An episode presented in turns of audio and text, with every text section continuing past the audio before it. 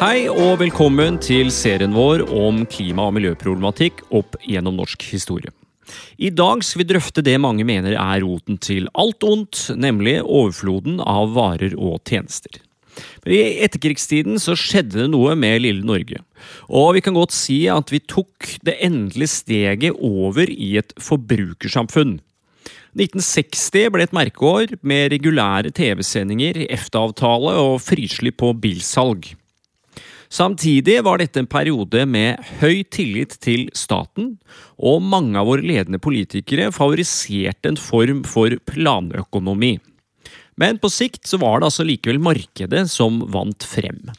Og i dagens klimadebatt er det lite som får gjennomgå mer enn masseforbruket og den økonomiske friheten som muliggjør det. Menneskene hevdes å være for mange og fotavtrykkene for dype til at den økonomiske veksten, eller skal vi si festen, kan fortsette.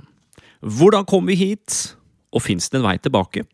Med meg for å drøfte dette har jeg professor i økonomisk historie ved BI, Kristine Myrvang, og Einar Lie, professor i historie ved Universitetet i Oslo. Velkommen skal dere være. Takk for, Takk for det. Vi begynner med et eh, historisk bakteppe eh, her. Eh, Kristine, du har skrevet om konsumkulturens gjennombrudd i Norge. Når kan vi si at forbrukersamfunnet oppsto her? Og, hva var liksom nytt med forbrukersamfunnet jf. tidligere samfunn?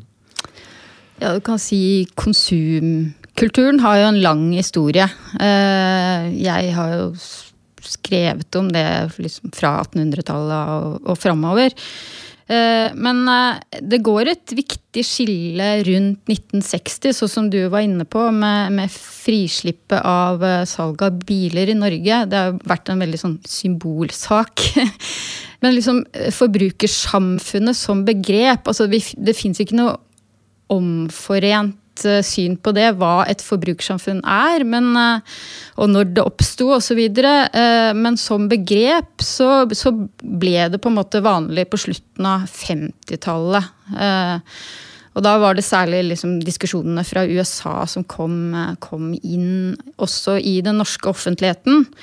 Og, og hva var så et forbrukersamfunn? Du kan si at det er et samfunn som, som kjennetegner kjennetegnes ved en, på en måte en generell statushevning av forbrukeren som økonomisk eh, aktør, og, og forbrukets rolle i økonomien og i samfunnet. Og samtidig så var det liksom forbruket eh, Spilte også en viktig rolle liksom, kulturelt og sosialt som en identitetsmarkør. Så på slutten av 1950-tallet, begynnelsen av 1960-tallet, så kan vi si at liksom, det er et slags startpunkt for, eh, for forbrukersamfunnet i Norge.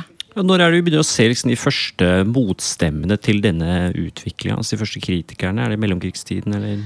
Ja, det kom tidlig. Altså, da reklameindustrien vokste fram tidlig på 1900-tallet, så fikk det jo for så vidt motstemmer allerede da. Og du hadde, hadde motstemme før òg. For, forbrukskulturen på 1800-tallet ble jo også kritisert. eh, av eh, bonden og opposisjonen på Stortinget. og det var, ikke sant? Det, eh, den kritiserte på en måte embetsstandens forbruk og, og, og borgerskapets forbruk osv. Så, videre. så det har hele tida hatt en diskusjon rundt hva som er godt forbruk, på en måte.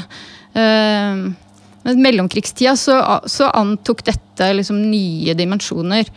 Eh, man begynte å snakke om massekonsumet, og da ikke sant, Massen er jo en negativ ting. altså Det er en, på en måte en, en manipulerbar størrelse, da. Eh, så der ble det stilt spørsmål ved hvor fritt var egentlig forbruket, ikke sant. Eh, Einar? Ja, jeg lurte på om vi skulle eh, legge inn eh, bare en anekdote til det ikoniske kulturproduktet om massekonsum og produksjonskulturen, som jeg syns er morsom og ofte smugler litt inn i undervisningen. Som er Charlie Chaplins eh, 'Modern Times' fra det er midt på 30-tallet, er det ikke det? 36, ganske sikker på det. Fordi eh, den er jo blitt berømt siden gjennom produksjonsscenen. Det er Chaplin som arbeides over samlebåndet. Og det er jo det som kjennetegner samlebåndsproduksjonen. At man står jo ikke og lager et helt produkt fra bunnen av, men man har sin lille arbeidsoperasjon. Han står jo da også strammer en mutter. Og blir jo litt gæren av produktivitetspreget i masseproduksjonssystemet. Men det som er en veldig tøff scene, det er jo spisescenen, som er massekonsumscenen, hvor han bindes fast til en maskin og fòres på optimal tid med mat som kommer automatisk etter at han har jobbet høyproduktivt. Så skal han da massekonsumere høyproduktivt. Og Det er klart, det er, det er en morsom scene, men, men, der ligger det jo en veldig sånn kritikk av masseproduksjonen, massekonsumsjonen, satt i system av noen utenfor produsenten og konsumenten selv, som man er brikker i, og som er en del av av det som er økonomiske drivkrefter og eh, en slags materiell velferd, men, men, hvor det er en veldig tydelig kritisk brodd i måten dette er laget på, koblet sammen på, ikke minst. Ja, nei, jeg tenker ja, det, det, er et veldig fint bilde. og det er også, ikke sant, eh, Masseproduksjonens konsekvens er massekonsumet. Altså Disse tingene henger sammen. Den roboten som driver og mater Chaplin, det er på en måte disse forbruksagentene kan du si da, ikke sant, som prøver å, å få oss fortsatt da, til å, å, å, forbruke alle disse varene som, som uh, da spys ut av disse fabrikkene. ikke sant? Det er jo sånn veldig de, Disse kritikerne i mellomkrigstiden, hva er det de så på som på alternativet til her? Hadde de et forslag på det? Uh, I mellomkrigstida så fantes det en veldig sterk teknokratisk bevegelse. Uh, på en måte en ingeniørtankegang rundt økonomien som, som var et veldig sånn sterkt alternativ til å tenke på en måte marked, eh, et fritt marked og frie markedskrefter og sånn. Eh, de fremste kritikerne av det frie markedet mente jo at markedet var på en måte anarkistisk og kaotisk. Mens man liksom Alternativet var da å bruke vitenskap, teknologi, ekspertise, kartlegge folks behov, og så produsere mest mulig rasjonelt for å dekke disse behovene. Da.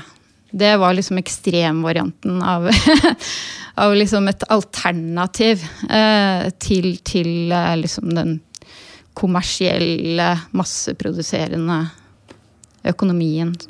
John Maynard Kanes er jo kjent for å være sånn tidlig, eh, tidlig ute med å foreslå at man kunne ta ut økt produktivitet i eh, fritid. Det er jo noe man hører i dag også. Miljøpartiet De Grønne og sånn snakker litt om det. At uh, ta ut den produktiviteten i andre ting enn varer og tjenester. Er det på 30-tallet at han lefler med de ideene? Ja, det er det. Han er jo mer kjent for andre ting, som er å liksom få opp etterspørselen i økonomien. Fordi Eh, det vil trekke produksjonen etter seg. Men eh, Keynes var jo en eh, aristokrat som hadde også sans for et samfunn der mange jobbet mindre. og Han skrev om det i flere av bøkene. at med ikke de som kom under krisen, som han er mest kjent for, for de skulle løse krisen ved å få opp den økonomiske aktiviteten. Men at man på lang sikt så måtte det være et mål å jobbe mindre mindre innsats og mer fritid, at det var et, eh, et, gode. Og det er noe man finner hos mange andre tenkere også. Marx, eh, f.eks. Ja da, ja, absolutt. Altså Hele ideen bak normalarbeidsdagen, f.eks. Der, der ligger det jo Det er liksom det som fagbevegelsen framkjempa, åttetimersdagen osv. Det er jo liksom fundamentet i det er jo at du skal liksom fordele produktivitetsgevinsten. Sånn at man kan ta ut større andel fritid. da, uh, I og med at du har fått en mer rasjonell produksjon. Allerede i 1906 så snakka jo anarkisten Hans Jæger om at kunne vi ikke holde og bare arbeide to timer om dagen. ikke sant? Det er jo den derre tanken om at uh, Altså det Ja å utfordre på en måte de etablerte sannhetene og si at eh, ja, men med Og da, og da syns jo han at liksom, ja, nå har vi kommet veldig langt i dette med fabrikker og rasjonell produksjon, så nå kan vi heller ta det litt med ro, ikke sant. Vi har nok, vi har nok varer, vi, nå må vi slappe av, liksom. Så den, den ideen er gammel. Den er eldre enn det òg. Jeg vil over på litt eh, økonomisk politikk. Det er noe du har skrevet mye om, Einar. Er det, nå har vi snakket mye om mellomkrigstiden. I etterkrigstiden, hvordan eh, var det politiske synet på markedet og forbruk og økonomisk politikk da? Ja, altså først og fremst så ble man jo veldig begeistret for tanken om å planlegge. Lage sentrale planer som man skulle styre økonomien etter. Eh, hvor man skulle kombinere folkevalgt innflytelse og vurderinger. Noen ganger også korporative eh, sammensetninger, hvor man tok, si? tok eh, arbeidere, konsumenter, eh, representanter for ledelse og eiere, og så føyde disse sammen med ekspertise for å lage planer som alle partene kunne være enig i, eller som i hvert fall forenet interessene til de forskjellige planene, og knyttet det sammen med fagkunnskap. Nå var det en del marked, særlig etter hvert, ikke så mye etter krigen. Da hadde man veldig eh, gjennomgående reguleringer, egentlig som en arv fra krigen, hvor det var mye penger og lite varer. Og hvor man hadde et rasjoneringssystem for det aller, aller meste. og mye var styrt. Og dette ble videreført grovt sett frem til omkring, krig 1950. Eh, og da kommer markedet mer og mer inn i små beslutninger, selv om en del veldig store størrelser ble påvirket av den økonomiske planleggingen. Og I den perioden så tror jeg det er riktig å si at man hadde et ambivalent og kanskje ikke helt eh, konsistent syn på konsum og materiell velferd. Fordi eh, Norge var jo et land hvor eh, ikke et veldig fattig land, men man hadde varemangel osv. etter krigen. Og så la man opp til et enormt høyt investeringsnivå. Det gjaldt i den såkalte gjenreisningsperioden etter krigen, hvor man skulle gjenreise produksjon og produksjonskapasitet. Men også gjennom 50- og 60-tallet så var det sånn at man i Norge hadde veldig høye investeringer. Både private investeringer og statlig i form av oppbyggingen av statsbedrifter og statlig långivning osv og hvor konsumet ble holdt veldig lavt. Hvis man ser på sånn samletall i nasjonalregnskap, og sånt, så er det et, et trekk ved Norge. Og det man, det man, gjorde, var jo at man dels hadde en del rasjoneringer av dyre varer. Du nevnte bilen til å begynne med. Var, til å begynne med så var det jo veldig mye mer enn det også. Men der laget man et system for sortering av det administrativt for å holde volumet nede. Men man hadde også veldig høye skatter for uh, husholdningene. Uh, som gjorde at forbruket ble holdt lavt for å ha et høyt investeringsnivå. Og så kan man lure litt på hva som var den, hvordan dette skulle være på lang sikt. Uh, utenlandske observatører som kom til Norge, de snakket om en sånn austerity-kultur. Og alle i regjeringen fra Gerhardsen og Brofoss og sånn var jo lange, tynne, magre folk som spiste matpakke på kontor og sånne ting. Og snakket om at man ikke skulle Bananer og appelsiner trengte man ikke, og bilen måtte rasjoneres osv. Men, men så er det klart at investering, store, tunge investeringer eh, år etter år, tiår etter tiår, gir jo på en måte bare mening hvis man på et eller annet tidspunkt skal begynne å konsumere mer. For når du investerer mye, så skaper det økonomisk vekst. Og det skaper en større samfunnskake, som Gerhardsen sa. Så et spørsmål skal man fortsette å bruke den bare til å investere mer og mer og bli rikere og rikere, eller skal ikke dette på et eller annet tidspunkt tas ut liksom i høyere materiell velferd? Og i realiteten var det jo det man gjorde når man kom på 60-tallet og dette som Kristine begynte med, hvor man fikk et, et veldig sånn modent forbruksvaresamfunn. Men, men, i gjenreisningstiden, og særlig gjennom 50-tallet, så er det egentlig et pøssel. Fordi det er et veldig sånn disiplinert, asketisk system med, med voldsomt kraftige investeringer. Jernverket, ÅSV, støtte til Hydro og andre bedrifter, kraftverk, skipsbygging osv. Som jo ga store inntekter. Man skulle holde forbruket nede for å investere stort. Og når man begynner å lete i dokumentene sånn med hvordan, ja, hvordan skal dette se ut på sikt, da? Eh, eh, skal man jobbe mindre eller begynne å forbruke mer? Eh, som er på en måte den logiske konsekvensen, men jeg tror ikke det var i tankene til de som drev systemet. Der var det denne litt asketiske sparepolitikken som da var i form av investeringer. Økonomisk er jo investering og sparing omtrent det samme. altså at du lager en inntekt som man ikke konsumerer, men som man gå opp til, til investering. Men det er klart på sikt så legger man jo grunnlaget for et konsumsamfunn, enten fordi man tenker at det er en logisk konsekvens, eller at det kommer noen etter som ikke er preget av mellomkrigstidens kriser og gjenreisning og sånn, og som tenker at ja, vi er jo ganske rike, nå må vi begynne å ta ut dette i, som, som konsum og massekonsum. Og det var nok egentlig det som skjedde. Kristine? Nei, altså Jeg bare tenker litt sånn i forlengelsen av det Einar sier, da. Om, om etterkrigstida. Så er det jo interessant at det, også, det er også da man får en forbrukerpolitikk. Altså I 1953 så ble Forbrukerrådet etablert. Hvor disse liksom bekymringene da, for dette, dette massekonsumet og sånn ble på en måte institusjonalisert. Og det, det var særlig det med, med, med at uh, reklameindustrien osv. virket manipulerende på folk. At du måtte på en måte mobilisere en motekspertise. Uh, som da manifesterte seg særlig i Forbrukerrapporten, som ble etablert i, i, 1958. Hvor de hadde jo side opp og side ned med sånne varetester.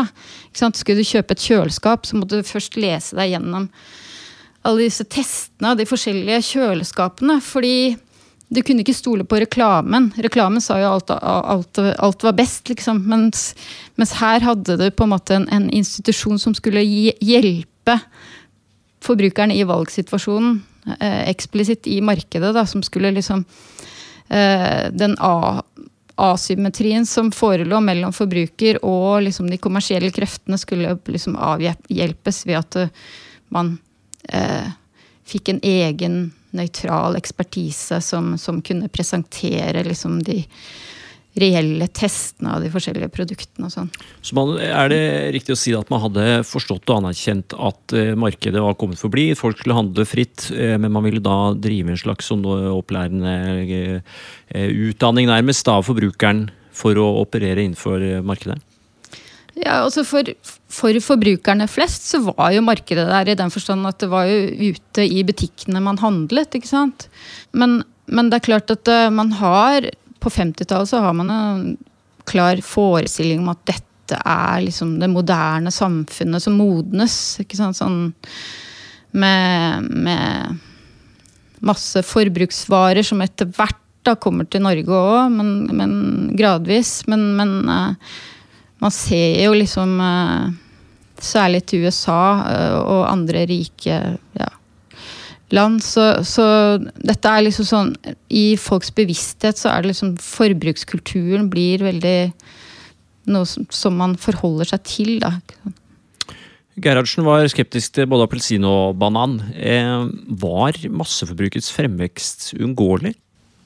Ja, Det er et dypt filosofisk spørsmål. Eh, jeg tror eh,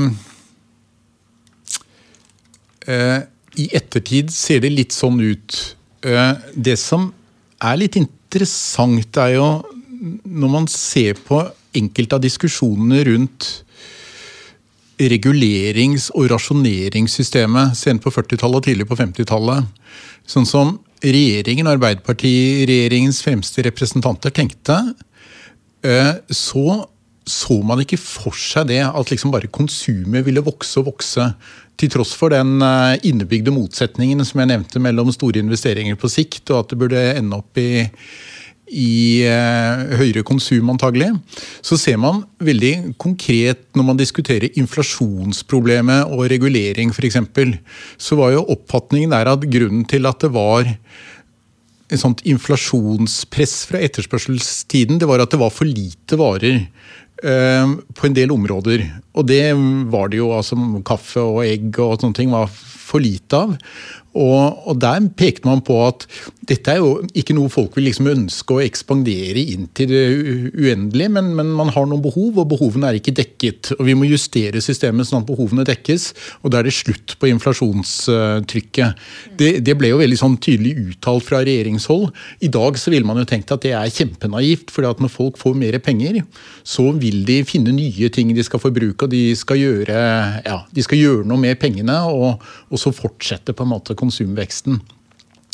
Men den gang, og det er noe av det som gjør at særlig 40- og 50-tallet eh, Det er kanskje der det er mest fremmed når det gjelder politikk, økonomi, forbruk, at man så for seg egentlig at eh, det var noen sånn noenlunde begrensede behov som man fikk dekket og at man skulle da være nøye og kjøpe riktige forbruksvarer og etter behov og god kvalitet. Og da hadde man en av den, på en måte, og så var behovet dekket. Uh, som er ganske annerledes. Men til spørsmålet ditt om det er litt uavvendelig, så vil jeg tro at når man kommer på slutten av 60-tallet, så begynner de fleste å tenke annerledes om det at verden åpner seg. Man får inn en masse nye produkter. En ting er at bilen er der, og så har du Radioen har vært der lenge. TV kommer. Etter hvert så blir det farge-TV. Eh, husholdningselektronikk. Charterreiser kommer på 60-tallet. Folk begynner å reise til Mallorca osv. Og, og hele verdens muligheter når det gjelder å reise og kjøpe produkter man aldri har hørt om. Eh, mye mer avanserte matvarer. Eh, klær og sko kunne man også kjøpe fra hele verden, og motene skiftet osv. Eh, da tror jeg nok at tanken om at forbruk er noe som går når vi gir oss økonomiske muligheter, så er det masse å bruke pengene på. Og etterspørselen er stor, og den er skiftende og økende. Så da kommer man inn i en tankegang som liksom er forbrukersamfunnet mer par excellence, og som arbeider seg inn i de flestes forståelse at, at, det er sånn det er, og det er sånn økonomien virker. Samtidig så har du fortsatt motstemmene, da. Eh. Og kritikken og ikke sant hva, hva, er dette for noe slags dyr, dette forbrukersamfunnet? Er det bra for oss? Ikke sant? Og, og kjøpepress er et tema, ikke sant. Har individet en frihet, da? Uh, og det er, liksom, det er jo for så vidt også den gamle debatten i det regulerte samfunnet. Altså hvor fritt var individet når alt var gjennomregulert. Det, det var jo ikke så veldig mye frihet når det gjaldt uh, å forbruke. Og så har man liksom Ja, men nå har vi jo frihet, ikke sant. Nå har vi jo penger, vi har frihet, vi har rikdom. Men så er det fortsatt et spørsmål liksom hvor Altså dette presset, konformitetspresset, ikke sant. Alt, alt, det her. Ja, og så er det jo som jeg nevnte i introen her, det er jo nettopp denne friheten som mange som er opptatt av klimaspørsmålene irriterer seg grønn over. At denne friheten gjør at folk kjøper altfor mye greier. Eh, og som har eh, en store konsekvenser for planeten. Så jeg tenkte vi skulle se litt på dette med hvilke virkemidler vi har eventuelt for å kontrollere dette mangehodede beistet som eh, markedet jo har blitt i løpet av de siste, siste århundret. Mange, jeg ser mange økonomer ta til orde for å innføre en relativt høy sånn CO2-skatt liksom lede forbrukerne over på grønnere veier. Eh, hvordan føyer en sånn CO2-skatt seg inn i rekka av såkalte syntaxes, som vi har sett opp gjennom eh, norsk historie, Einar? Jo, den eh, føyer seg på én måte inn i det, samtidig som det er noe annet. Før man begynte å snakke om at man skulle avgiftsbelegge noe for å få dempet eller fått bort, så var det jo sånn at man eh, kom med avgifter fordi staten trengte penger. Eh, omsorg, velferd, eh, sykehus osv. Og, og da forsøkte man å legge varer, avgift på varer som man mente ikke var nødvendige, eller som hadde et luksuriøst preg. Begynne med sukker, petroleum tidlig, kaffe. Og i etterkrigstiden, som vi har snakket om, så har man jo hatt store avgifter på en del ting som har vært regnet som luksuriøst og eller usunt. Bil har jo ligget her hele tiden, som man har sagt det er litt for å bringe penger til staten, men også fordi det har hatt et sånt element av luksus over seg så er det jo masse næringsinteresser i alt. Det er jo de landene som ikke har egen bilproduksjon. De har jo gjennomgående høye bilavgifter. Se bare på Danmark, Norge, høye avgifter. Sverige som ikke har det. og Det henger jo sammen med Saab og Volvo og fravær og sånne ting. sånn at, at, det kommer inn i det. Men begrunnelsen har vært eh, hva som er nødvendig og bra for oss. Og man finner det jo på tobakk, alkohol, sukker, som er liksom moderne, store avgifter. Eh, så når man kommer til eh, CO2, eh, og vi har jo hatt CO2-avgift lenge, og man har hatt CO2-avgift på sokkelen siden helt tidlig på 90-tallet, som er litt spesiell, egentlig. Vi snakker mye om sokkelen, men det er en avgift som har virket med tanke på at selskapene er blitt bekymret for hva de slipper ut på sokkelen. Og, og, tatt i sånn sett. Men den type avgifter for liksom å dempe det skadelige er jeg ikke sikker på at man skal sammenligne det helt med liksom sukker og tobakk osv. Man har jo hatt uh, problemer rundt utslipp f.eks. fra industri, som er likere. Og der har det vært noe avgifter, men der har jo linjen vært mer at man stiller krav. Makstak på utslipp, nullkrav til utslipp. Og så må Forbud, man, altså? Ja, og så må man legge om. Det er jo det mm. man har sett på giftstoffer fra ja, Vi har jo begge drevet med Hydros historie og ja, andre, og aluminiumsindustrien, fluorutslipp og sånt. Det tok tid, det, men, men der, det er jo et område hvor direkte reguleringer, hvor man sier at dette, dette er skadelig, det kan man ikke ha, og så, så lager man krav ovenfra.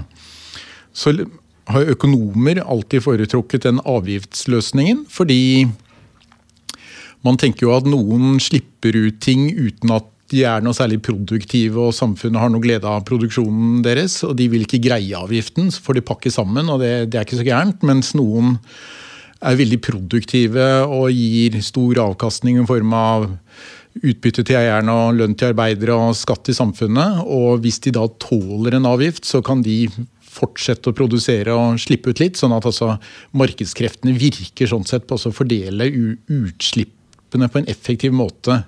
Og Det har jo vært økonomargumentet, at det er markedskonformt. Og at det sånn sett virker, virker effektivt. Du får dempet utslippene, men fordelt det på en måte som er riktig i samfunnsøkonomisk forstand. Eh, Kristine, eh, altså, den såkalte flyskammen har vært eh, mye debattert i år. En slags moralsk, heller enn politisk regulering kan man si, av forbrukeratferd. Er det noe nytt i historisk sammenheng, eller har man sett noe annet som man henvender seg til den såkalte forbrukermakta, og prøver å gå veien via der for å påvirke, påvirke forbrukeratferd? Jeg tror egentlig den der flyskammen er litt oppkonstruert. man har kobla skam på, på alt mulig rart. Men jeg tror det heller eh, handler om ansvarlighet, da. At, eh, sant eh, At man prøver å ansvarliggjøre den enkelte.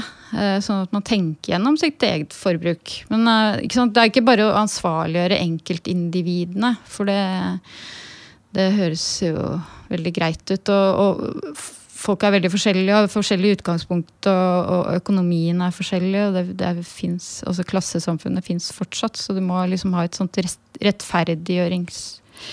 Altså at at dette også må være rettferdig og demokratisk, på en måte. Men, eh, men jeg tenker ansvarliggjøring er eh, Det er ikke moralisme, det er eh, å ta ansvar som individ. Og, og det gjelder jo også næringslivet, og det gjelder politikerne. Vi, politikerne er i en sånn situasjon som nå. Eh, må jo lede. De må finne løsninger og sånn. Men det er jo vi som enkeltindivider som velger politikerne. Så vi har et ansvar for å velge politikere som kan, kan eh, finne løsninger, da. Ja, vi snakket jo i sted om, om kritikere som har ønsket det uh, annerledes. Eh, tror du de kan komme til, komme til sin rett fremover? At vi tar steget ut av forbrukersamfunnet og inn i et eller annet annet? Ja, det er jo altså, Det fins jo mange kritikere i dag. mange kritiske røster, så eh, Men det fins også veldig sterke krefter som ikke er interessert i å gjøre så veldig mye store endringer, ikke sant. Eh, jeg har en president i USA som ikke er så overbevist om at er, eh, vi er i en kritisk situasjon. Her er det mange andre interesser ute og går. Så, så det er jo ikke noe sånn quick fix på hele um, problemet. Det er det ikke. Einar, vi nevnte CO2-avgift så vidt her i stad. Eh, hvilke virkemidler har du troa på for å få til et grønt skifte i økonomien? Ja, vi, Det er jo vanskelig, dette. Eh, men det er jo Det Kristine peker på, er jo at en løsning skal være demokratisk og ha alminnelig aksept og både løse de konkrete problemene, men også fordele byrdene ved det på en noenlunde lik måte. Så kan man jo utvide dette, og gjøre det enda mer komplisert. For jeg tror at hvis vi finner en sånn egen norsk oppskrift som er særnorsk i en verden hvor utslippene øker mest helt andre steder. USA er nevnt. Eh, Hvite hus er ubekymret. Og der har man med ny teknologi så har man jo åpnet helt, helt nye muligheter for å utvinne olje og gass. Eh, Kina ekspanderer voldsomt på kullkraftverk osv. Så, videre. så jeg tenker at det er mye man kan gjøre for å få ned utslippene i Norge. Og man kan lage vår egen sånn regulerings- og normative system for det. Men jeg tror at hvis det er et eller annet som ikke lar seg generalisere og legge andre steder, så kan man lure på hva man oppnår, annet enn at vi føler at vi har gjort vårt, men så virker det ikke. Jeg tror selv kanskje noe av det viktigste er å være med å utvikle løsninger som kan generaliseres og overføres. Og hvor noe av det store problemet selvfølgelig er at det er store deler av verden som ikke har vårt velferdsnivå. og hvor der de står, så er det mye lettere å øke det med, med, med store utslipp. Så jeg tenker at, at det er at vi må gjøre mye for å kunne snakke med autoritet og bidra med et eller annet. Men da tenker jeg selv at det er rart å gjøre et eller annet som man tenker ikke kan liksom overføres til andre land og til de kontinentene hvor man ser veldig store utfordringer på lang sikt. Vil du si at økonomien vår er totalavhengig av at masseforbruket fortsetter å dundre fram sånn som vi ser det i dag, eller er det mulig å tenke seg et eh, grønnere forbruk? Jo, jeg tenker at det er mulig å tenke seg et grønnere forbruk. At man legger om både produksjon og konsum mot produkter og varer som ikke er skadelige på den måten. Og jeg, jeg tror det er det man må gjøre. Jeg tror det også tenke at vi, at vi liksom tar ned liksom driven mot å kjøpe nye ting, og et eller annet sånt, at det er veldig krevende. Det er, det er, jeg tror, tror, det er en veldig vanskelig løsning, både hos oss, men også å skulle flytte ut. Men at man må tenke seg at eh, fremtidens konsum og produksjon går på områder som ikke er ødeleggende. Det er en lavere ambisjon, men den er på en måte tilstrekkelig og, og tenker jeg mer realistisk enn å si at vi at liksom forbruket skal gå nedover og produksjonen. Det, det forstyrrer så mye. og det er vanskelig å få aksept for det. Også fordi selv i Norge så tenker man jo at man skal finansiere en offentlig sektor gjennom skatter, og ikke minst i andre land. sånn at, at man, man, er avhengig av at det meste fungerer. Og så må man si at det er, det er noen type aktivitet som vi ikke kan drive, verken som produksjon eller konsumaktivitet, og at man må sette inn virkemidlene der, tenker jeg. Kristine? Uh, ja, jeg er liksom ikke helt enig i alt. Jeg er enig i mye av det du sier. Uh, men jeg tenker at man kan forestille seg at det skjer en kulturell endring. Altså at den oppvoksende generasjonen ikke er fullt så interessert i, i, i det forbrukersamfunnet som, som vi skap, har skapt, liksom. Uh, at det er andre typer verdier som de kan sette høyere. At, at det en, blir en større bevissthet da, rundt hva man egentlig trenger. ikke sant? Man ser jo litt tilløp til det nå, eh, selv om eh, sånne dager som Black Friday og sånn, da, da er det jo Texas. Men, men, eh, men jeg tenker at det, dette er liksom langsomme prosesser. Og at liksom kulturelle endringer eh, skjer over tid. Og, og jeg tror at, eh, at den, den, diskusjonen vi har nå, hvor vi, hvor vi setter uh, spørsmålstegn ved på en måte hele vår levemåte, det tror jeg er veldig sunt. Og så må den enkelte på en måte ansvarliggjøres, og, og, og politikerne må ansvarliggjøres, og næringsliv. Eh, jeg tror det er vanskelig å endre ting fort, men jeg tror over tid så, så vil vi se på en måte et form for alternativt forbrukersamfunn. Kristine Mirvang, Einar Lie, tusen takk til dere. Jeg heter Anders Brenna. Ansvarlig for denne podkasten er Ellen Katrine Lund. Vi hørs i neste episode. Da skal vi ikke drøfte den grønne økonomien, men den blå økonomien, nemlig hav og havbruk.